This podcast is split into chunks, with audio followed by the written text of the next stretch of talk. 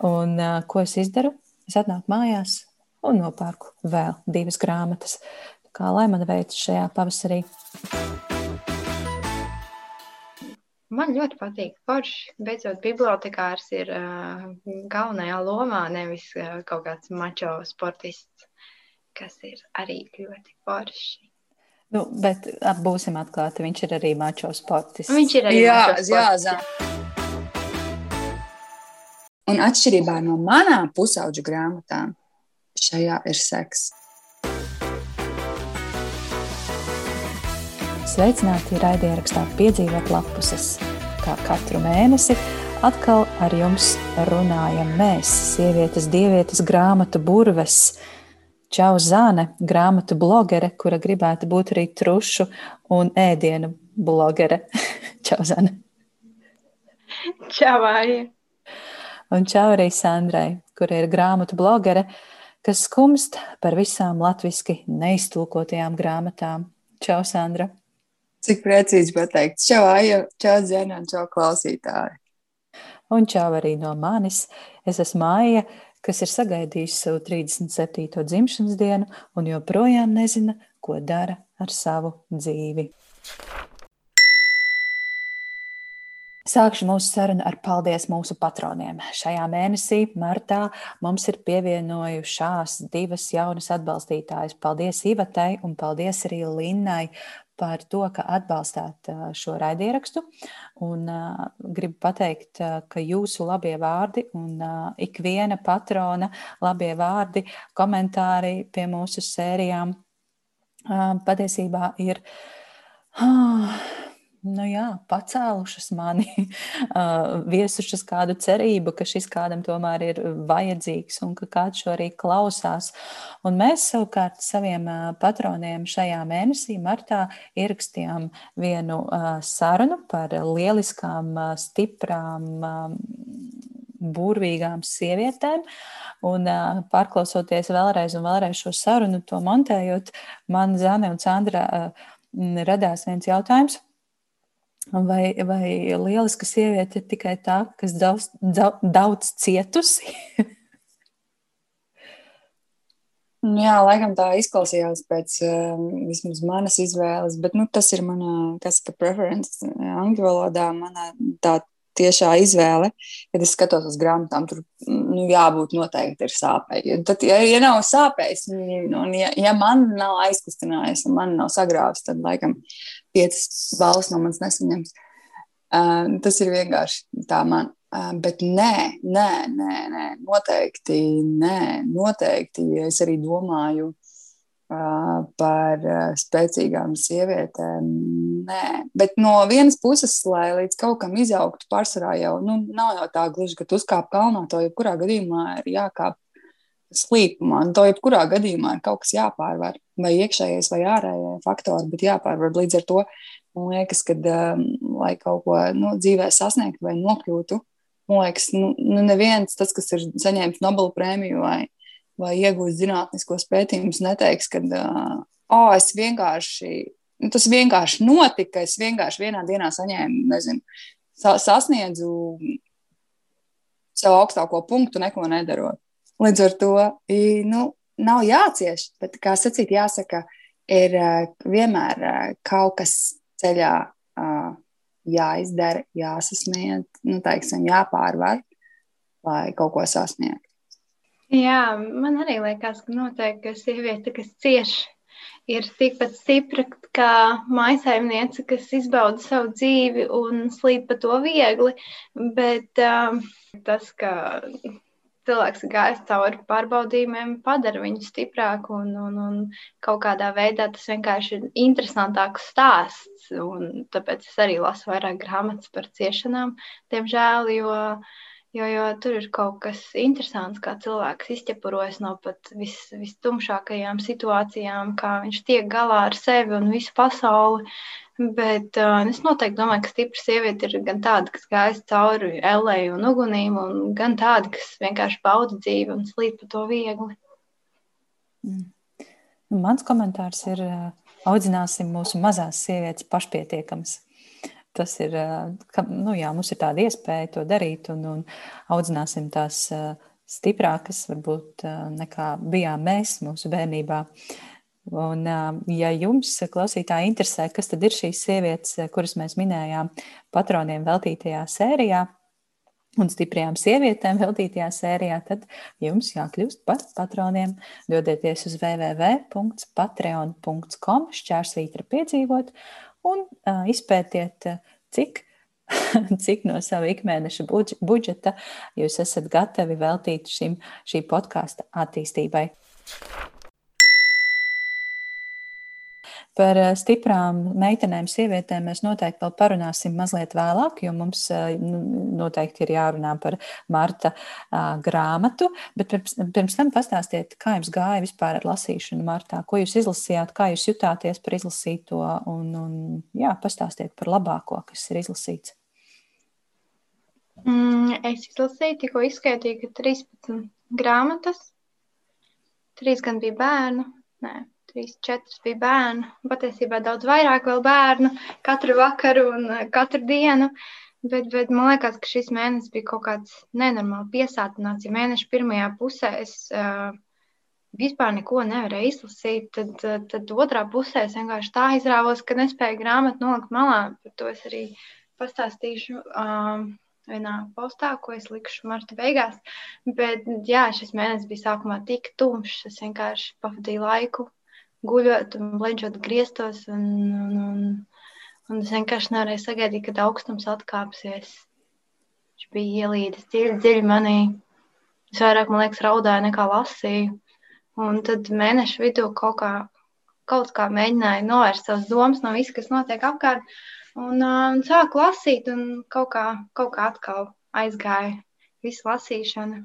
Bet um, šomēnes, jā, man liekas, ka tieši tik daudz fantastiskas grāmatas ir izlasīts, gan tādas, ko cildinājuši, man liekas, visi, kā piemēram izglītotā, gan, gan, uh, gan tādas, uh, ko arī citi cildinājuši, bet man netik ļoti patika.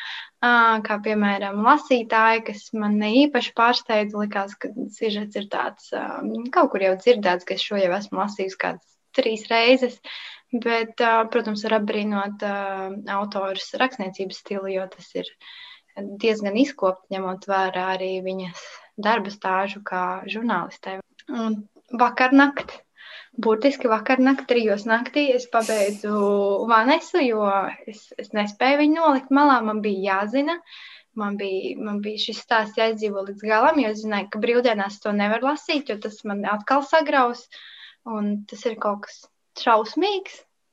Nevar teikt, ka tā ir brīnišķīga grāmata, jo tā nav. Tur nav nekā brīnišķīga. Viņa ir briesmīga, briesmīgi labi uzrakstīta, bet viņa ir vienkārši briesmīga. Tas, kas noticis ar cilvēku, kā, kā pedofīlija, ko, ko šī vanis nemaz neatzīst, ka tā ir pedofīlija, lai gan, lai gan dziļi iekšēnē viņi to saprot, kā tas ir viņu traumatizējis, kā tas ir izpostījis visu viņu dzīvi. Um, Es vienkārši vēl joprojām nespēju to aptvert. Es laiku par to domāju.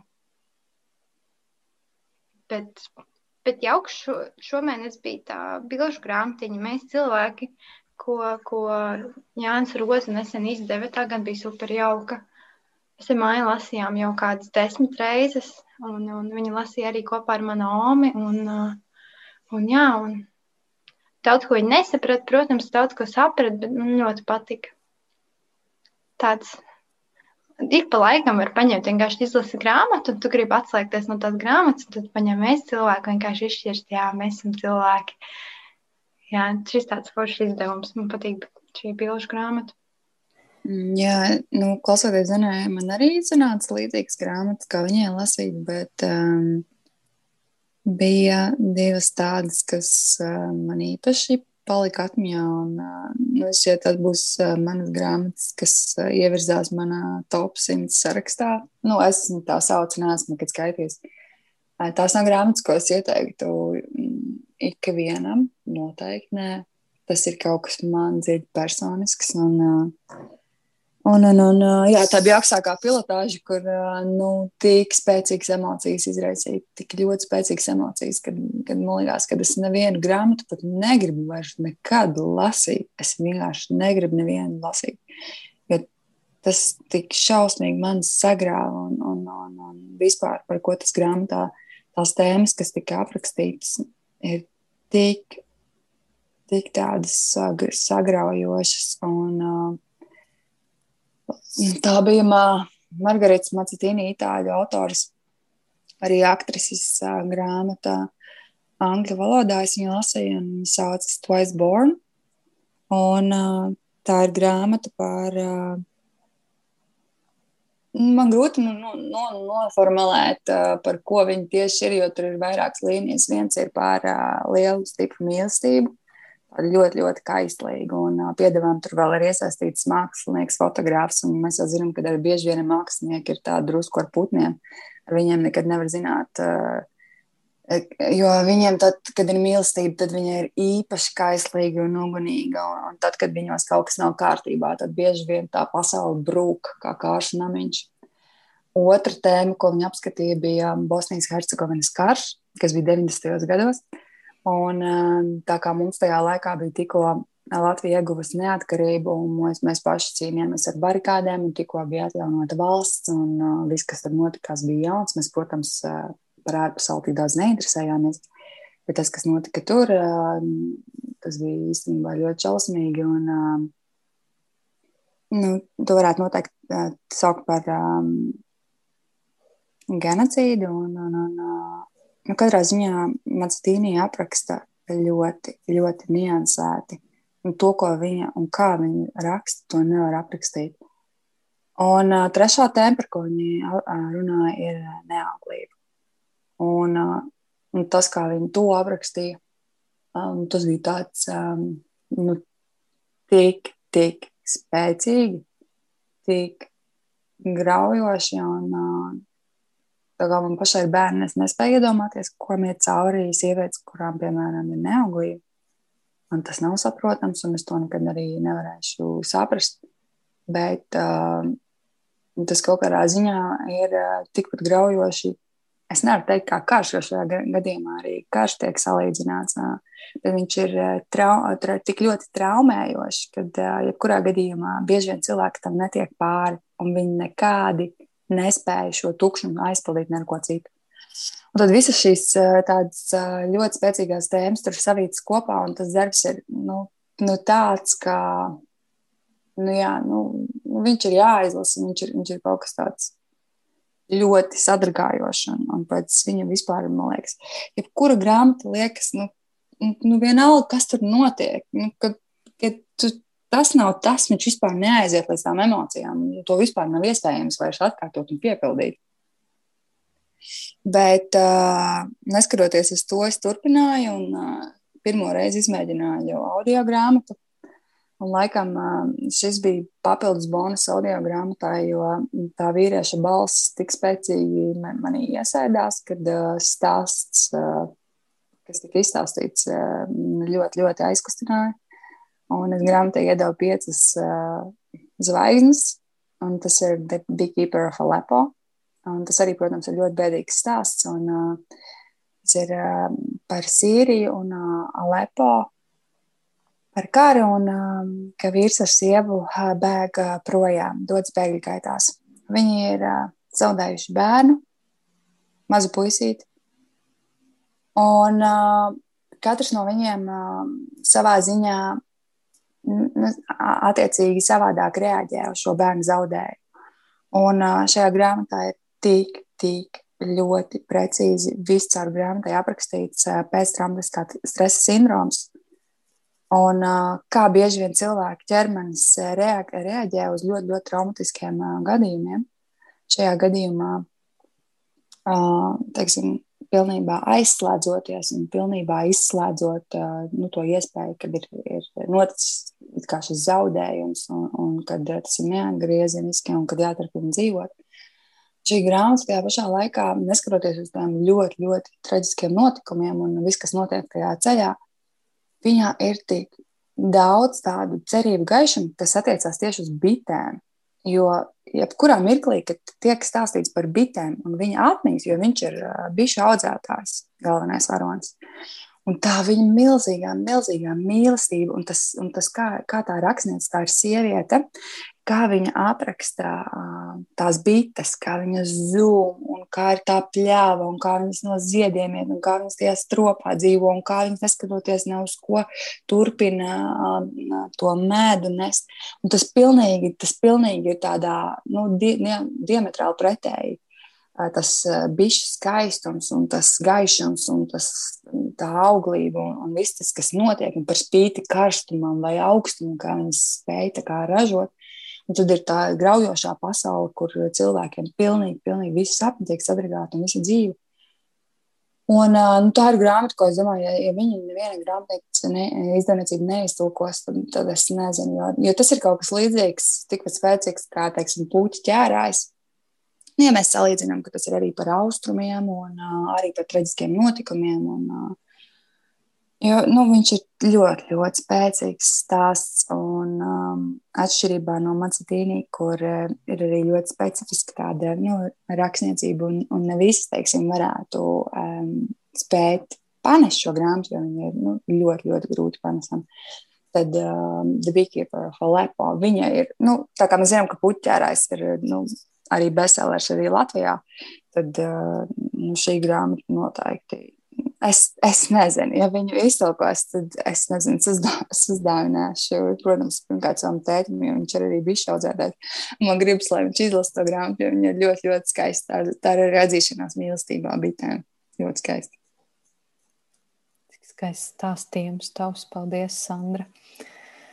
Jā, nu visi, visi Latvijas izdevēji, kas šo klausās.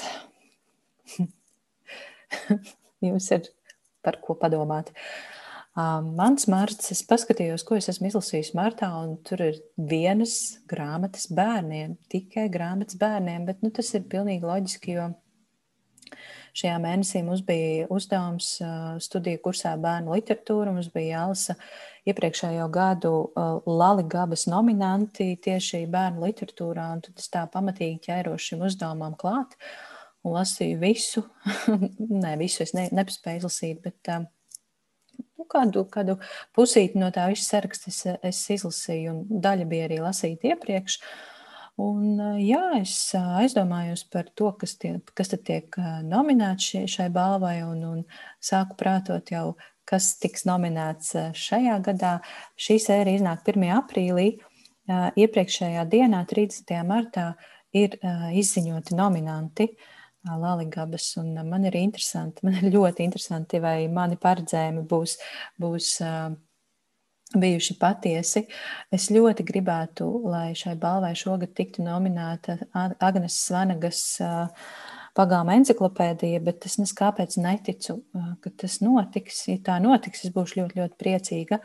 Man šķiet, ka visticamāk, ka nominantos būs Inga Žaludē ar pirmo reizi uz zemes, un pilnīgi noteikti kaut kas no dzējas, vai nu tas būs Marts Pujāts, vai arī Ērika Bērziņa ar, saviem, ar, jā, ar savām dzējas grāmatām. Nu, skatīsimies, dzīvosim, redzēsim. Jūs jau šo klausoties, zināt, kas ir nominēti. Mēs ierakstot vēl nezinām, bet uh, es ļoti, ļoti gaidu. Par pārējām nominācijām es nemaz ne, neņemos spriest. Uh, Var, eh, būs interesanti paskatīties, vai Kalnozola kalendārs vispār būs nominēts, un vai tas būs nominēts kā labākais prozas darbs vai, vai kā, kā labākā debija. Uh, jā, to mēs redzēsim. Bet par to, ko es gribētu izcelt no izlasītā un ieteikt arī jums, noteikti lasiet uh, dzēju bērniem. Uh, Kārļa Vērdiņa Dilis tante, Zana man noteikti var pievienoties sajūsmā. Uh, tā paša Kārļa Vērdiņa tētis ar Rēņa Petersona māksliniecisko noformējumu. Arī Ingas Gailas vai otrā grupa mani dzird ļoti, ļoti labi dzējas, ļoti labas dzējas grāmatas noteikti iesaku. Jā, nu, tas tā īsumā. Mans atklājums bija Lielija Berzīnska, Un tiešām izrādās, ka mums ir pašiem sava tuva Jānsona. Viņas lamzaks meklē lamzaku. Man ļoti, ļoti atgādināja muminus. Kā ja jums patīk muminu tēma un šī te, tā sajūta, kas ir muminos, tā, kaut kas tāds mierpilns rēnums un filozofisks tāds skatījums uz pasauli, tad es iesaku Lilijas Berzīnskas Lamzakas meklē Lamzaku, un savukārt šīs pašas autoras grāmatas skelets skapī tāds ļoti īpatnējs pasakas ar filozofisku domu, ko bērni varbūt visi neustvers, bet pieaugušiem tur ir ļoti interesantas visādas filozofiskas nianses, kā var lasīt kopā ar bērniem. Nu tā, tas īsumā par manu martu. Vispār Jā, izgāju vakarā ārā, bija tik silts, un tad es sapratu, ka man nav ko vilkt mugurā šajā pavasarī. Nu, tīri objektīvi, nav ko vilkt mugurā. Tiešām es neesmu šoreiz, tas nav tas gadījums, kad es stāvu pie piebāzta skapja un, un nav ko vilkt mugurā. Un, ko es izdaru? Es atnāku mājās un nopērku vēl divas grāmatas. Kā lai man veicas šajā pavasarī? Nu, ko laiks parunāt par uh, marta mēneša grāmatu, kas šajā mēnesī mums bija Agneses Zarānes laba meitene. Šo grāmatu izvēlējos es. Man bija interesanti, kāpēc izvēlējos šo grāmatu. Tāpēc, ka es biju lasījusi Agnēs Zarānas pirmo grāmatu, Slīdošās kāpnes, un man gribējās uh, palasīt, kā, kā viņa ir uh, varbūt izaugusi, varbūt eh, kaut ko mainījusi savā rakstīšanas stilā. Man interesē arī šī labo meiteņu tēma. Un, eh, jā, arī interesi lasījām. Kā jums gāja ar Agnēs Zarānas labo meiteni? Ai, tas ir ļoti laba meitene. Paskaties, tu izvēlējies grāmatas par apģērbu. Vai tā nav taisnība? Tu esi ļoti, ļoti laba meitene.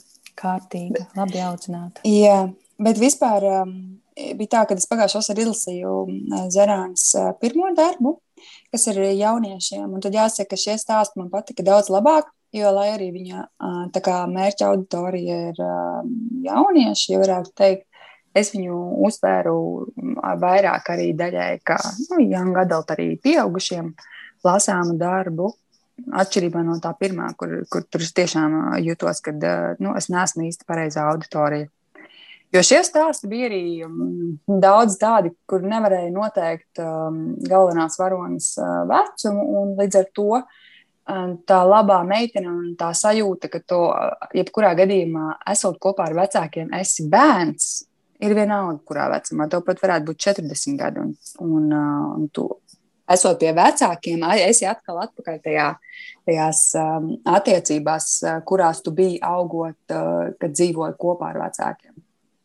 Līdz ar to kaut kādā ziņā, kaut kādās niansēs var uh, redzēt tos standarta modeļus vai situācijas, kur tu varbūt esi kādreiz domājis līdzīgi vai esi nonācis, bet rīkojies savādāk. Um, man stāsti patika, uh, it sevišķi. Um, tajās, tajās man patīk arī ļoti, kad tas latgaliskais stāsts, kad patīk, ka šī ir jau otrā grāmata, kur latviešu valoda tiek akcentēta un uh, pilnīgi normāli iekļaujas tekstā.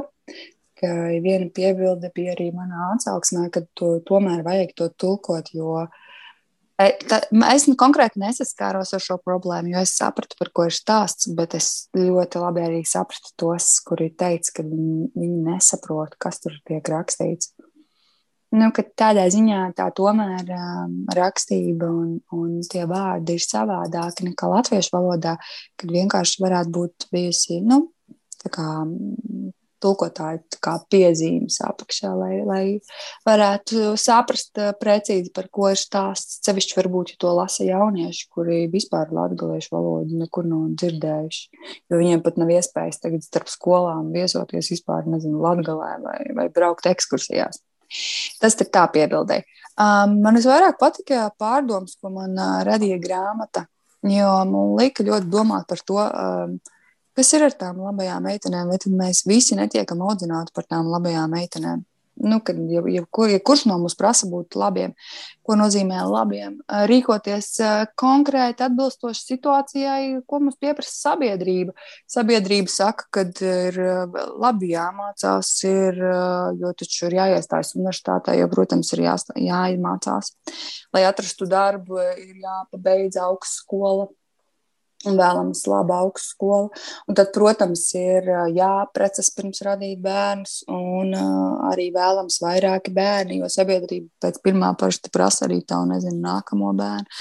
Un uh, konkrētās visādās situācijās ir, nu, bieži vien no tevis kaut ko jau sagaida standarts, kaut kādas atbildes un rīcības.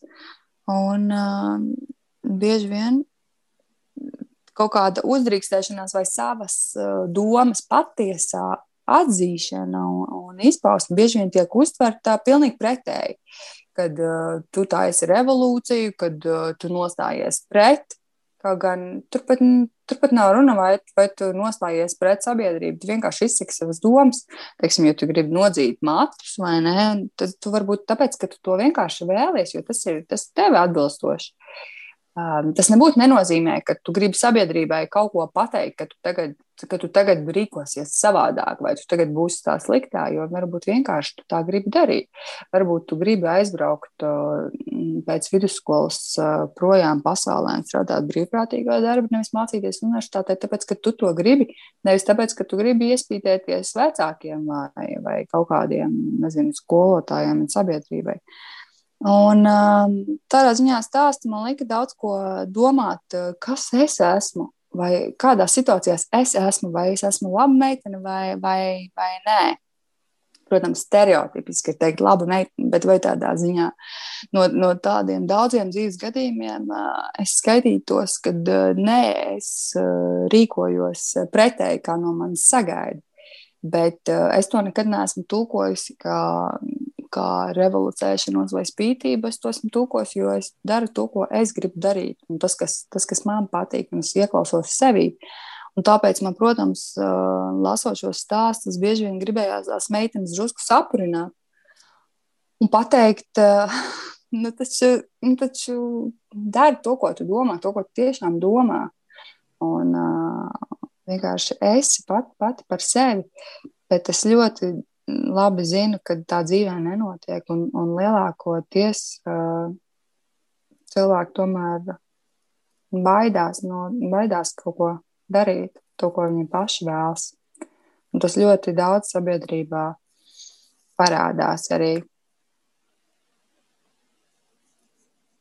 Jā, nu, jā, man katrā ziņā tā grāmata lika daudz domāt par, par sevi un par konkrētām situācijām par to būšanu, labam, izpatīkšanu un, un, un, un tādām lietām.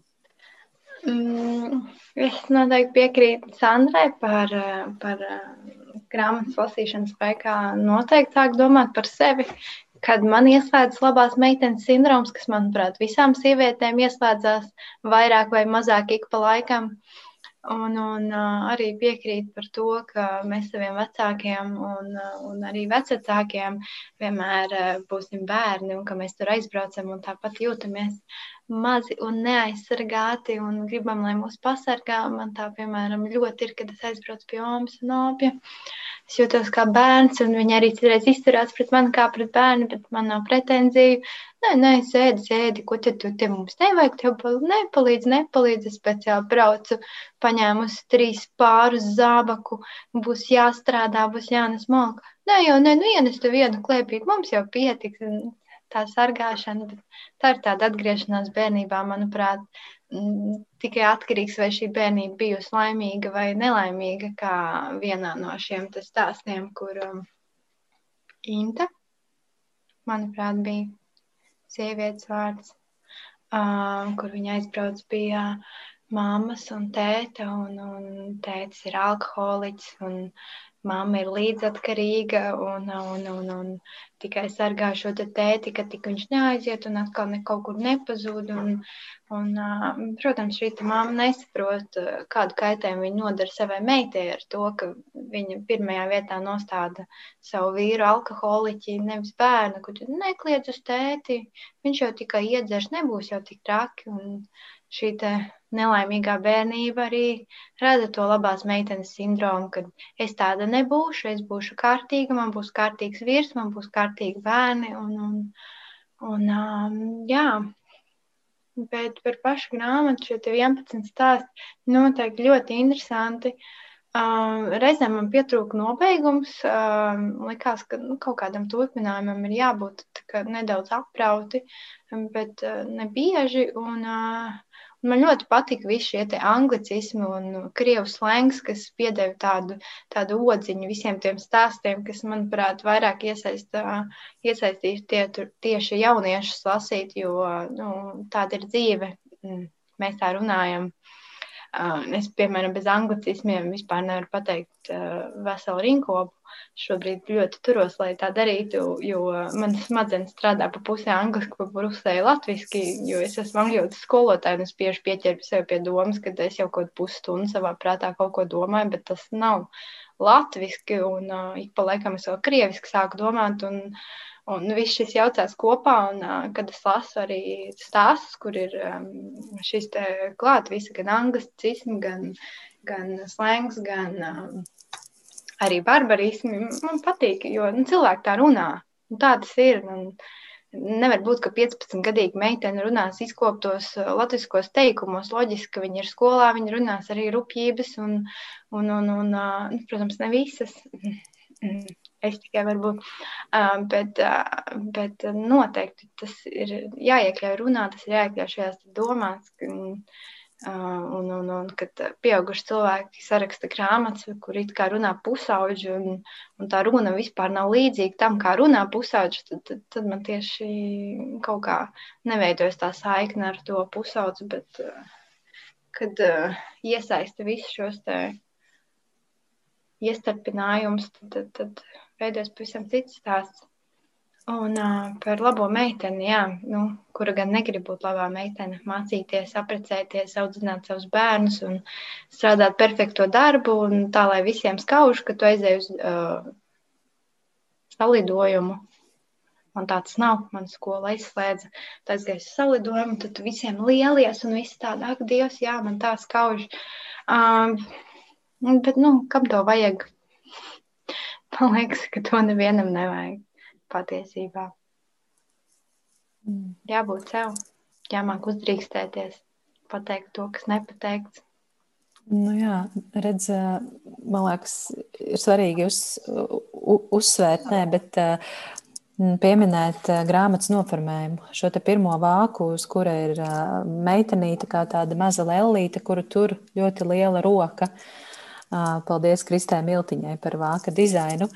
Un šī lielā roka, tie var būt vecāki, tie var būt stereotipi, tie var būt sabiedrības spiediens, kas visu laiku mūs vada.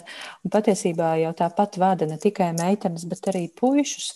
Ok, šī grāmata ir par meitenēm, Un, jā, paldies par šo grāmatu. Un droši vien, ka tādu pašu stāstu var uzrakstīt arī par puišiem. Uh, kuri eh, nedrīkst raudāt, eh, nedrīkst smieties, nedrīkst eh, daudz ko citu.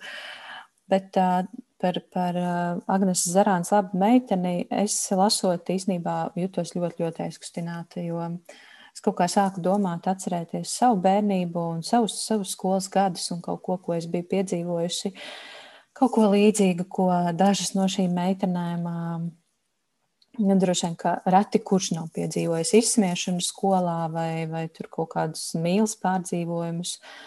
Un, jā, varbūt to, ka vecāki dzer. Nu, jā, es ceru, ka, ka, ka liela daļa to nav piedzīvojusi. Bet es domāju arī par savu meitu, kurai kurai dzīve vēl priekšā, un ak, Dievs, cik ļoti es nevēlos, lai viņi to visu piedzīvo, lai viņi piedzīvo šīs skolas šausmas, kad mēs, mēs vispār nevaram nokontrolēt kā vecāki to, kas ar mūsu bērniem notiks skolā. Tas man ļoti biedē, šī tūma man ļoti biedē, jo, jo jā, bērndārs ir tāda rozā, bērndārs ir tāds rozā mākonītis, bet skola Tur viss tik ļoti asts, krasi mainās. Un, jā, es nezinu, kāpēc es domāju par šo visu. Um, bet uh, es pilnīgi, pilnīgā, pilnībā piekrītu, ka šī grāmata arī man patika daudz labāk nekā slīdošās kāpnes. Man šķiet, ka mm, daudz izkoptāki stāsti, jā, tā doma ir skaidrāka. Um, man pašai, mm, laikam, vispilgtāk palicis pēdējais stāsts prātā pēdējais stāsts bija kā mammai, laikam nosaukums, jā, kā mammai. Un man ļoti spilgti palika prātā arī stāsts Papa Suns par meiteni, kas īsnībā jau savos 18 gados ir vardarbīgās attiecībās, un kaut kādā veidā šie visi stāsti liekas kaut kur saistīti. Mm, tā meitene, kas kas piedzīvo tagad 18 gados šīs vardarbīgās attiecības, pēc tam iespējams pieaug un kļūst par mammu, kas aizstāv nu, alkoholiķu tēvu, tad ir, tad ir vēl tur, tad vēl vairāk stāsti man likās ka tie ir secīgi, ka tās dzīves seko viena otrai, kā notikumi, kas notikuši bērnībā vai jaunībā, pēc tam atsaucas uz, uz tālākajiem gadiem. Uh, Jā, kaut kādas atsevišķas epizodes man ir eh, palikušas prātā par šo sievieti, kas brauc autobusā un, un uh, skatās bildes, uh, kuras viņai nofotografējusi mājās, lai ik pa laikam pārbaudītu, vai, ir, vai visas kontaktlīstas ir tukšas. Un, jā. un arī šis uh, stāsts Babeņa, kur Babeņa runā latgaliešu valodā, tajā stāstā patiesībā nekas tāds nenotiek, bet uh, man tas likās tik ļoti mīļš un silts stāsts un tik ļoti aktuāls patiesībā, jo tas bija par, par, šo, par šo laiku, visticamāk par pagājušā gada pavasari. Jā, tā, tāds man, man, manas īsās pārdomas un uh, jums ir kāds stāsts, kas palicis īpaši spilgti prātā vai kāda labā meitene?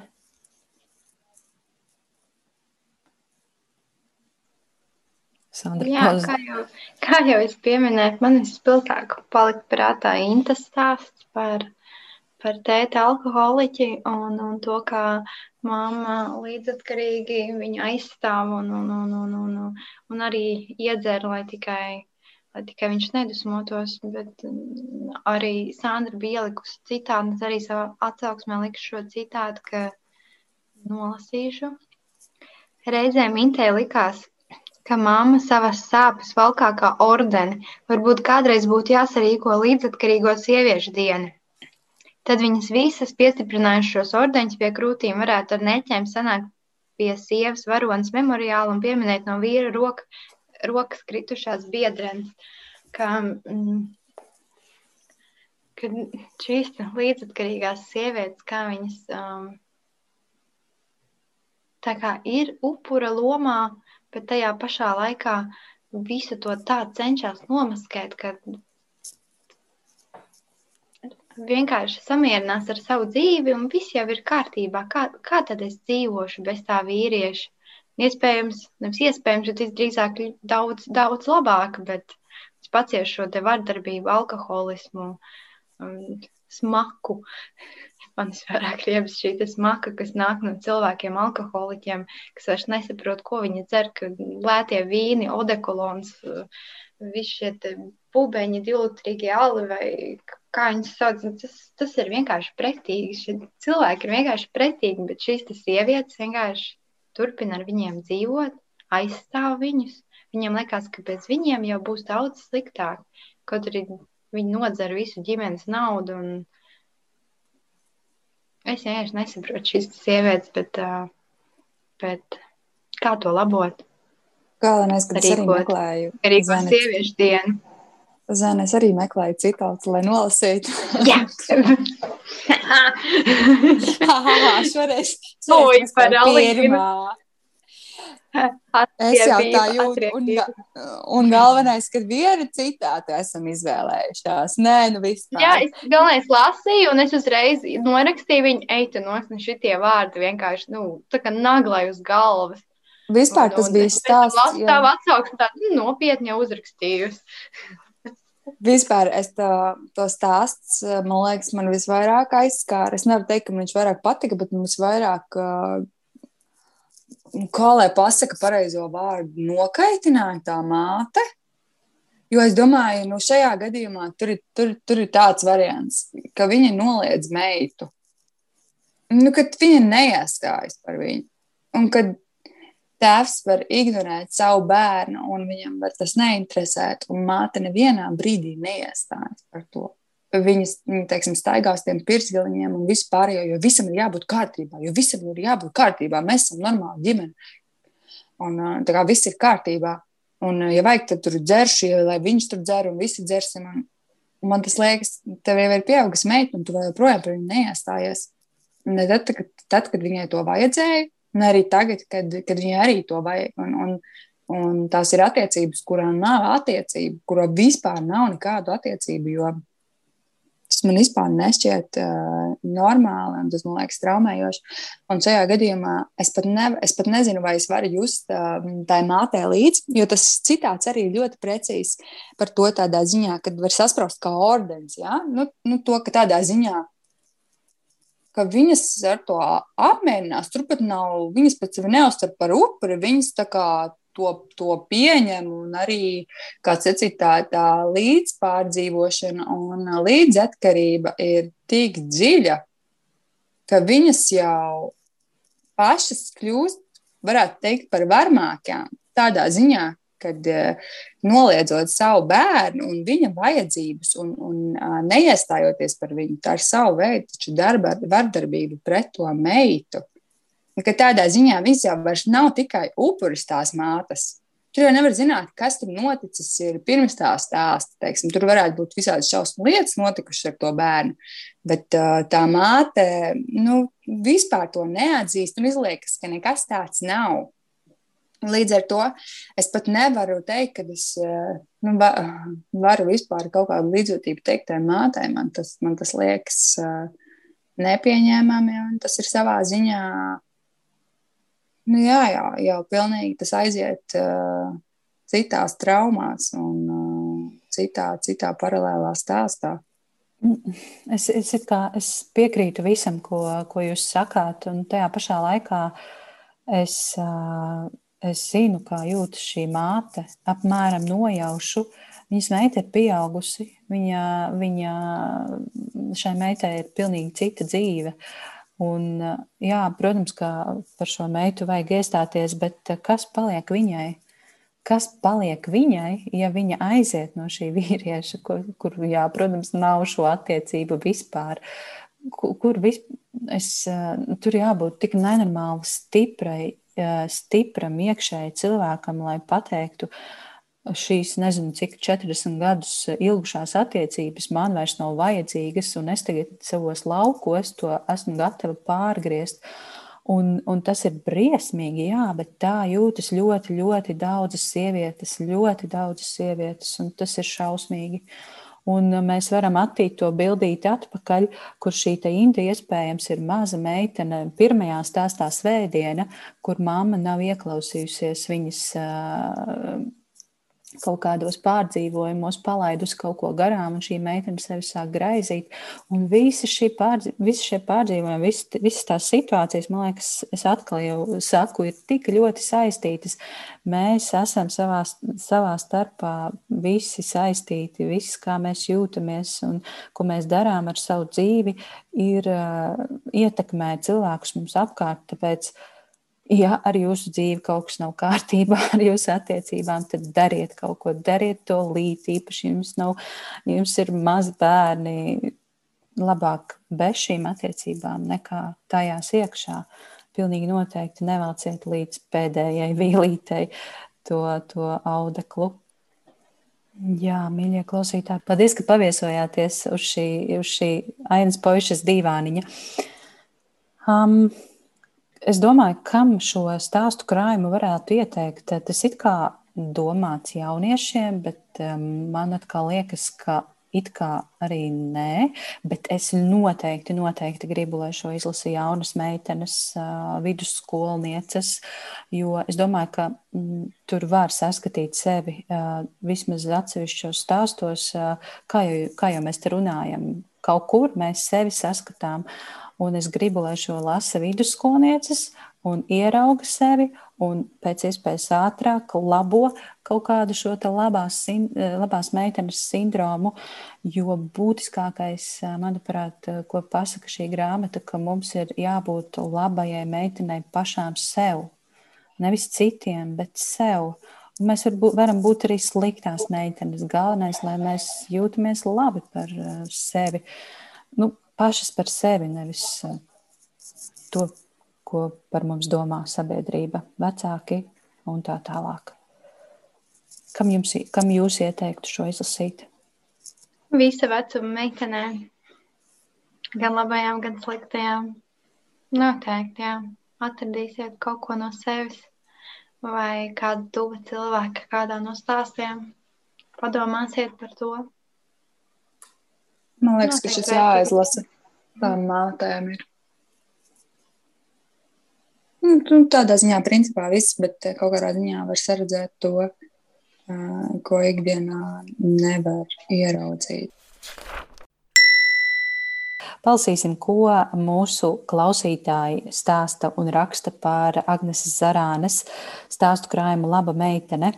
Es saņēmu atsauksmi no Vitas Ozolas, mm, un viņa raksta tā, kad izlasīju pirmo stāstu, apjuku, jo nākošais bija cits stāsts. Nebija piefiksējusi, ņemot grāmatu rokās, ka tie ir stāsti. Starp citu, šis, šis parādās vairākās atsauksmēs, ka tas bija pārsteigums, ka izrādās tie ir stāsti, nevis vien, viens pasaules stāsts. Um, Viņa ir izlasījusi, Vita ir izlasījusi arī Bārbalas Simpsonas atsauksmi un piekrīt šai atsauksmei. Agnese ir kā taksometra šoferis, uzņem pasažieri, mazu mirkli ved, uztver kādu niansi par pasažieri, bet tad izlaiž, pazaudējot to no redzes loka. Tas droši vien ir par, to, par tām atvērtajām beigām un tādiem kā mirkļiem šo meiteņu dzīvēm.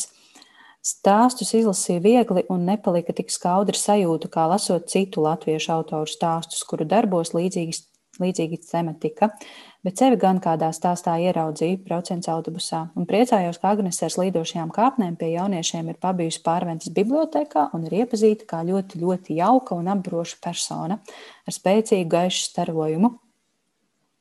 Lūk, tāda ir Vitas atsauksme.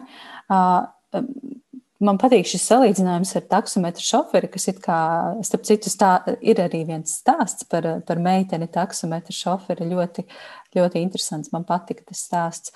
Bet es, kā jau minēju, es tomēr redzu sasaistījumu šiem stāstiem kaut kādā veidā. Man tie vairāk vai mazāk, nu, varbūt ne visi, bet kaut kā tie saistās kopā. Un man tas, ka šie stāsti bija atvērti un tādi kā mirkļi, kopumā netraucēja. Man tas likās pat diezgan interesanti. Ko jūs varat pastāstīt, kādas jums ir ienākušās atsauksmes? Jā, tad man būs atsauksme no Ivetas Fīdersonas, un viņai labās meitenes stāsti patika. Viņai visvairāk likās vispilgtākie bija par taksistu stāstu un stāstu par nūdisti. nūdisti. Šie stāsti man vislabāk patika un vispilgtāk palika atmiņā no izlasītā. Dažus stāstus lasot, uzvirmoja atmiņas no jaunības un skolas laikiem, kas arī bija ļoti patīkami, jo bija frāzes un situācijas, kas sasaucās ar pašu piedzīvoto. Latviju valodu, diemžēl, nesaprotu, tādēļ gribējās, lai klāt būtu tulkojums stāstam bābeņa. Latvijas uzrakstīju to atkal izlasīju. Oi, nu, ka tur viņai saprašanas nav bijušas. Bet, nu, tas bija tas, ko es arī minēju. Tas vienkārši ir tāds nu, piezīme, ko, ko varētu citos darbos arī autori izmantot, jo tas parādās kā krievu valodā. Ir labi, ka pieliek tulkojumu, jo tas nav pašsaprotami. Visi nesaprot krievu valodu. Un tas tomēr ir labi, kad tomēr iztulko kaut kur maliņā, kas tur īsti ir teikts. Tiāna, dzīves māceklis, Instagramā. Mm, stāsts krājums izgaismo labo meiteņu tumšo pusi niķus, sāpes, nespēju kaut ko darīt un sociālo spiedienu, ko nemanot uzliek gan ģimene, gan apkārtējie.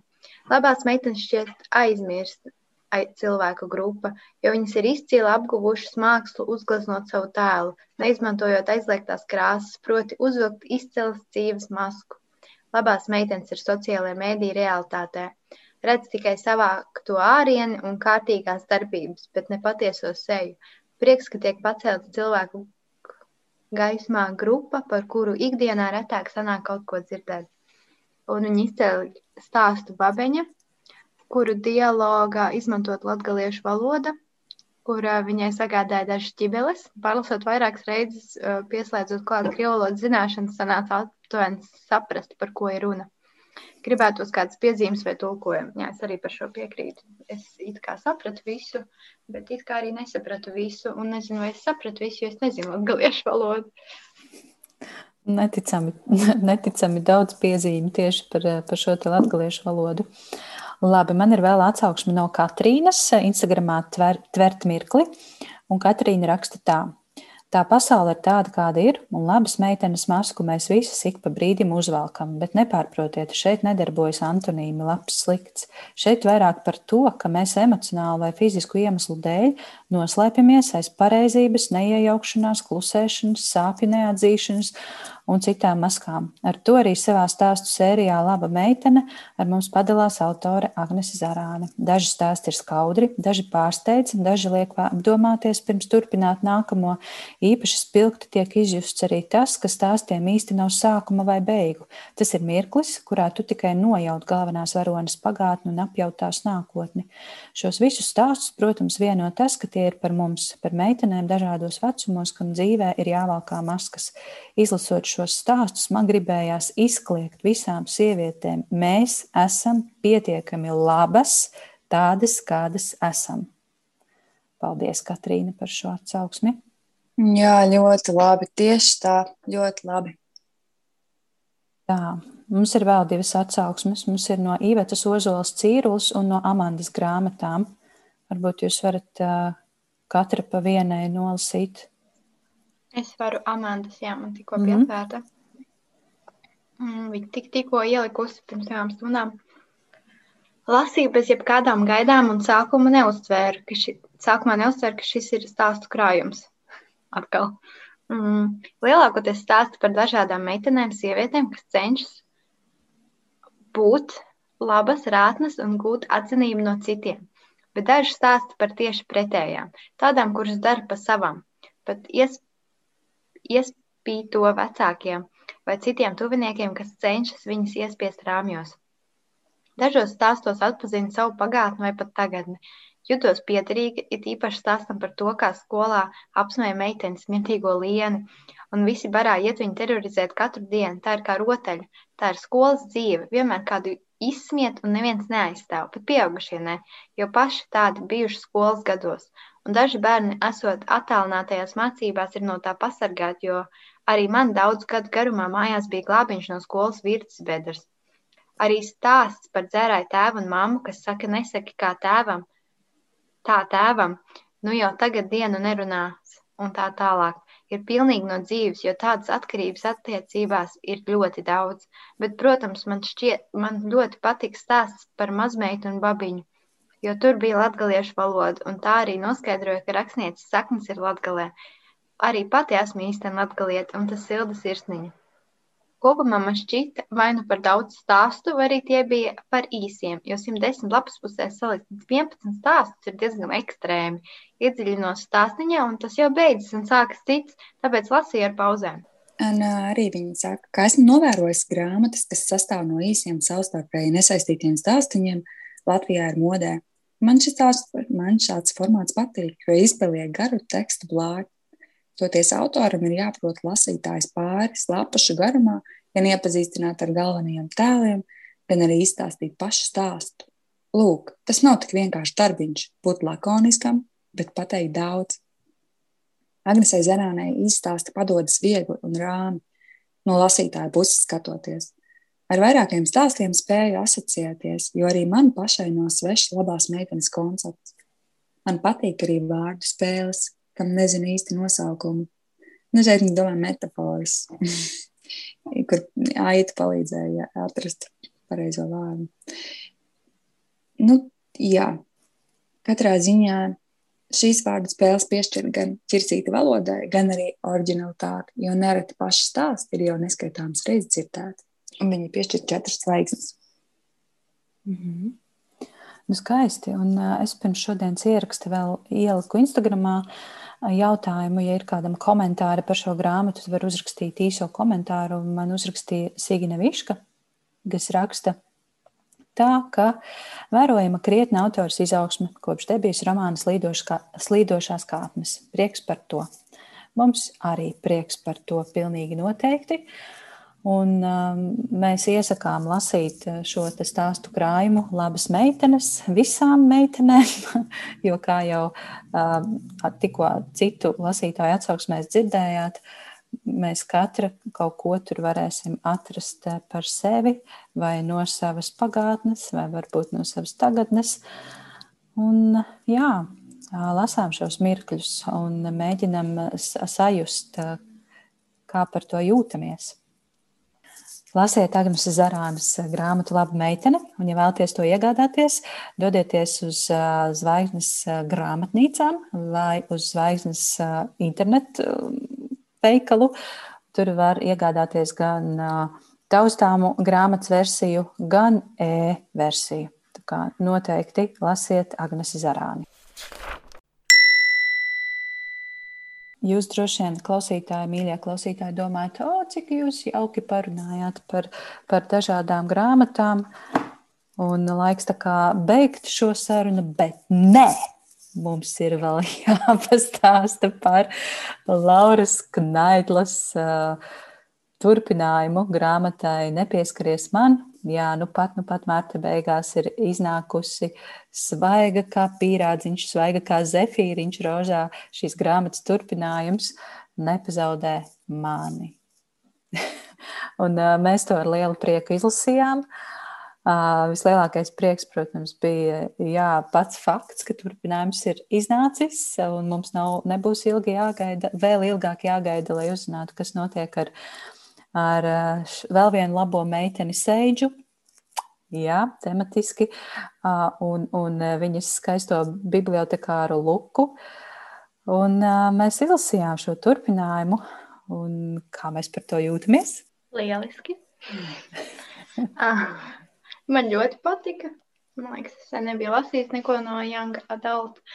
Um, jā, es ļoti gaidīju turpinājumu. Beidzot, viņš ir grāmatnīcās viņš būs no pirmdienas. Tā kā tie, kas 1. aprīlī klausās, jau var iegādāties. Un, um, jā, man patīk. Kāpēc ne tik jauki, bet tajā pašā laikā uh, par seidžu, jā, briesmīga trauma, kas turpinās kaut kādas traumatiskas grāmatas. Man liekas, uh, lasīju šomēnes par traumētām sievietēm. Briesmīgi daudz. Jā, man ļoti patīk vēl joprojām akcentēt to pašu, ko pirmajā daļā, ka Seidža vērsās pēc palīdzības, kas uh, parasti nenotiek šajās te grāmatās, un ka tam visam ir arī atrisinājums, uh, kuru es nevaru teikt, jo tad es sabojāšu lasīt prieku, bet um, man ļoti patīk forši. Beidzot, bibliotekārs ir uh, galvenajā lomā, nevis uh, kaut kāds mačo sportists, kas ir arī ļoti forši. Nu, bet būsim atklāti, viņš ir arī mačo sportists. Viņš ir arī jā, jā, zāle. Viņš ir bibliotekārs. Viņš daudz lasa, come on.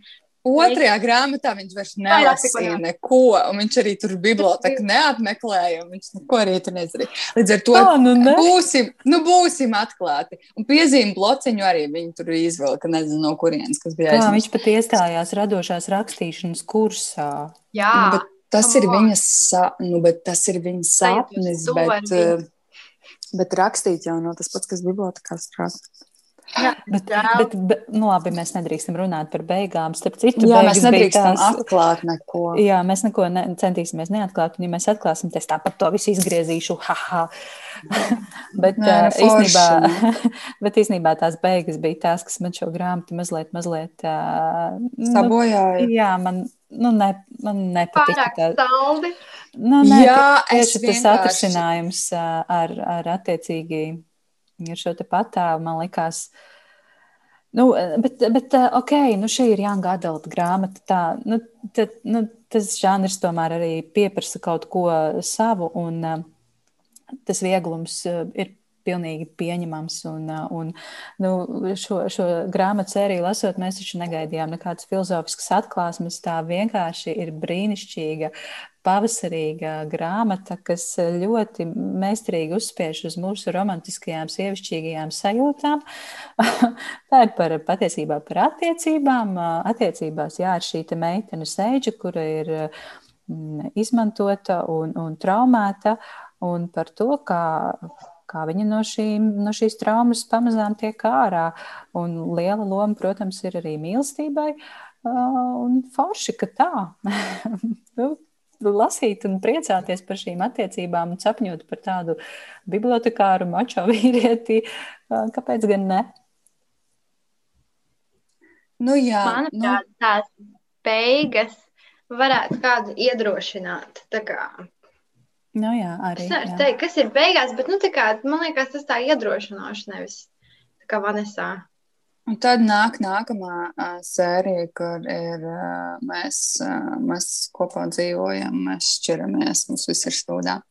Nē, bet ko Nē, es gribēju? Tu tikko nolasīji manas domas, Sandra, kāpēc? Bet ko es gribēju teikt? Pirmā Nav trešā daļa.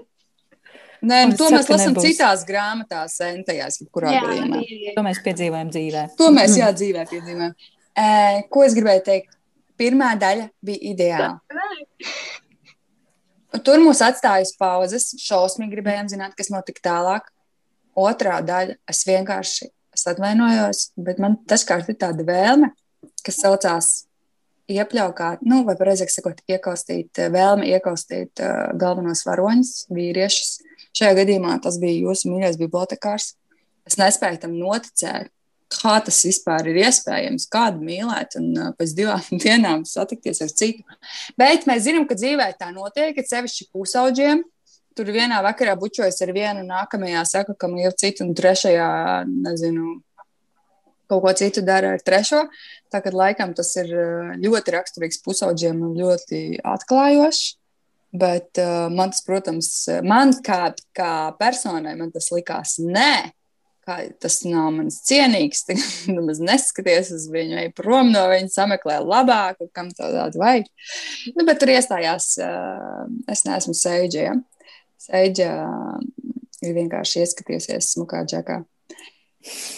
Bet, jā, Un, ko mēs kādā... viņai varam pārmest? Nē, mēs nevaram viņai pārmest, tāpēc, ka kura gan to negribētu. Bet kaut kādā ziņā man likās tās beigas salīdzinoši strauji norisinājās un ātri un aptuveni kaut kādas uh, meksikāņu melodrāmas uh, variants, uh, kur pēkšņi ir uzradusies nauda un iespēja aizmantot. Un, nu, tur, tur viss likās tāds pagaidi, pagaidi. Mēs tikko runājām par, nezinu, par desmit dolāriem vai cik ar dolāriem, kur palikt pa nakti. Tagad mums ir nauda, lai tur izdarītu to un to un to. Uh, bet katrā ziņā man, kā pusaudzēji, man šī grāmata ļoti patiktu. Un atšķirībā no manām pusauģu grāmatām, šajā ir seks. Manās pusauģu grāmatās, kas bija skolas bibliotekās, tur nekā tāda nebija. Vismaz es to tā neatceros. Līdz ar to ir īstā plauktiņa. Sandra. Nē, nu, bet skolas literatūrā mums taču tur vesela kaudze ar mana skaistā māsa un tur kas tur vēl. Un, es, es laikam jau tad lasīju tikai par seksu un izvarošanām vēl visu kaut ko.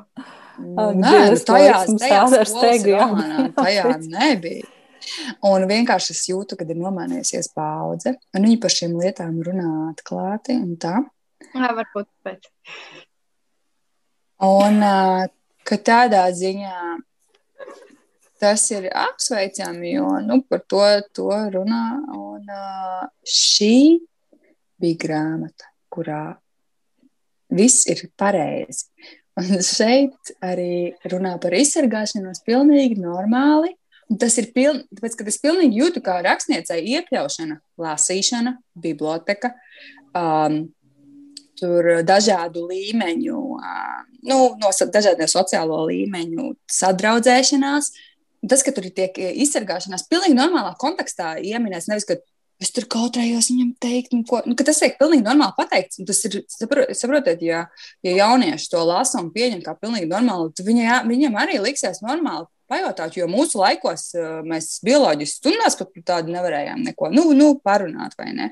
Kaut kādas tur demonstrācijas neviens nerādīja, kur nu vēl kaut ko tādu paprasīt vai izrunāt. Tam līdzīgi tas bija, ja mēs runājam par prezervatīvu, tas drīzāk bija kā mm, puiši, nu, smējās par to. Nu, ka kaut kas tas smieklīgs, nevis, ka viņu vajadzētu izmantot, bet kad nesā līdzi un uh, Un, Viņam kabatā ir prezervatīvs. Tas bija tā. dienas notikums. Jā. Tā kā tādā ziņā viņa ir ļoti pa punktiem atstrādājusi un ietvērusi, par ko ir jārunā. Arī par problēmām, šajā gadījumā par vardarbību, psihoterapiju. Nu, kad pilnīgi liekas pa punktiem, paldies, paldies, paldies, ka tu to izstāsti. Tagad mēs stāstam jauniešiem, ka šis ir pilnīgi normāli. Šitā mēs darām. Mēs ejam pie psihoterapeita, ja mums ir problēma, mēs viņu risinām, mēs nostājamies eh, pretī savam varmākam, mēs uzdrošināmies beigās pateikt to, ko mēs domājam. Mēs pasakām eh, varas iestādē, nu, tādā ziņā viņa izstrādā mm, visu tā kā pa punktiem un uh, parāda arī no viena ziņā arī, nu, varētu teikt, bezpajumtnieku, nu, kaut kādā, kaut kādā ziņā to sociālās problēmas, kā viņas tur risina un tam līdzīgi. Tādā ziņā viņai ir ļoti, ļoti veiksmīgs darbs. Nevis tur kaut kādā mēs tur balītē kaut kur tur dzērām, kaut kur kaut kāds seks bija, kaut kas, kaut kas kaut kur uzrādās. Nu, tādā ziņā man ļoti patika, kā autore visas šīs tēmas ir iekļāvusi, kas ir ļoti, ļoti apsveicami. Jā, Sandra, man ir prieks, ka tu esi tik eh, dziļi uh, iekšā šīs grāmatas analīzē, ka pat, nepan, ka, ka pat nepamanīji, ka Zane mums pirms pāris minūtēm nosauca par vecām. Ok.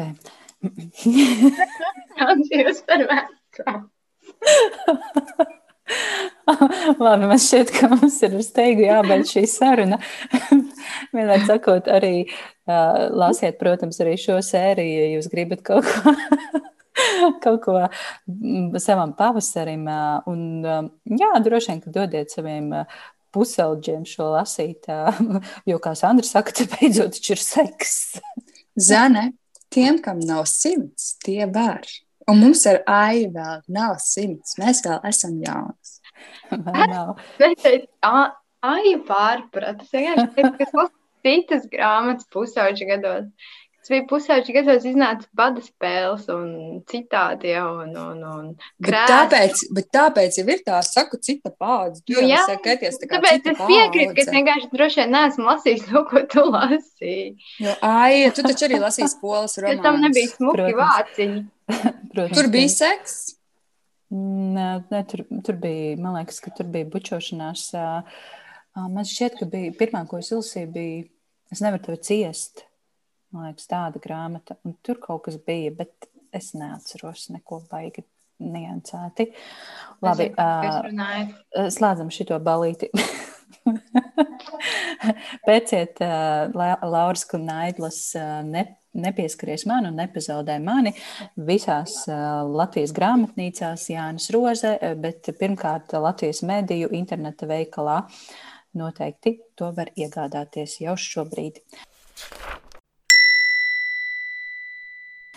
Nu, ko, Sandra, ko mēs lasīsim aprīlī?